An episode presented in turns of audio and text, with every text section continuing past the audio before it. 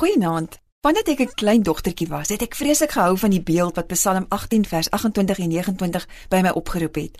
Dawid sê daar: "Want U laat my lamp skyn. Die Here my God laat my duisternis opklaar." Ek was lekker bang om alleen in die nag in die donker gang af te loop en hierdie vers het altyd vir my laat voel Jesus is by my. Ek is oukei. Okay. En verder sê Dawid: "Met my God spring ek oor 'n muur en loop ek 'n bende storm." Die woorde waarin ek dink as ek dit hoor is God se krag. Die gedagte aan my God wat sterker en slimmer as enigiets of enige iemand anders is, was altyd nog vir my 'n groot troos. Soos wat ek ouer geword het en ek die teleurstellings van die lewe op my eie moes meemaak, het ek ook maar baie vrae vir God gehad.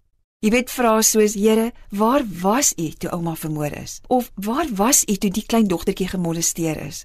Waar was U toe daardie kindertjies moes toe kyk hoe hulle ouers skei? Maar weet jy wat?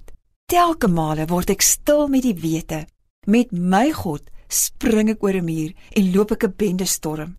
Hy bring lig wanneer alles in my donker is, want hy het die krag om dit te doen. By elke krisis of hartseer oomblik was hy alreeds teenwoordig. Niks is of was vir hom 'n verrassing nie, onthou.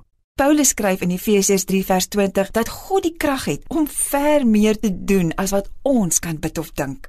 Ons moet hom net daarvoor eer en vertrou. Ek is dol oor programme op TV wat wys hoe die see lewe lyk of hoe 'n lewenssirkel van die skoenlapper lyk of hoe die verspiewende berge werk, want ek sien elke keer God se krag, sy almag en sy heerlikheid. Maar daar is nog 'n aspek van God se krag wat ons so maklik miskyk. Paulus skryf dat dieselfde krag waarmee God vir Jesus uit die dood opgewek het, is daar vir elkeen van ons wat glo. Vat hierdie gedagte vas, liewe vriend of vriendin, want as jy glo, het jy dieselfde krag in jou waarmee God Jesus uit die dood opgewek het. En dan skrik ons vir die land se ekonomie of armoede of geweld of diewe of inbrake. Ons mag nie toelaat dat die duiwel vrees by ons kom lê nie.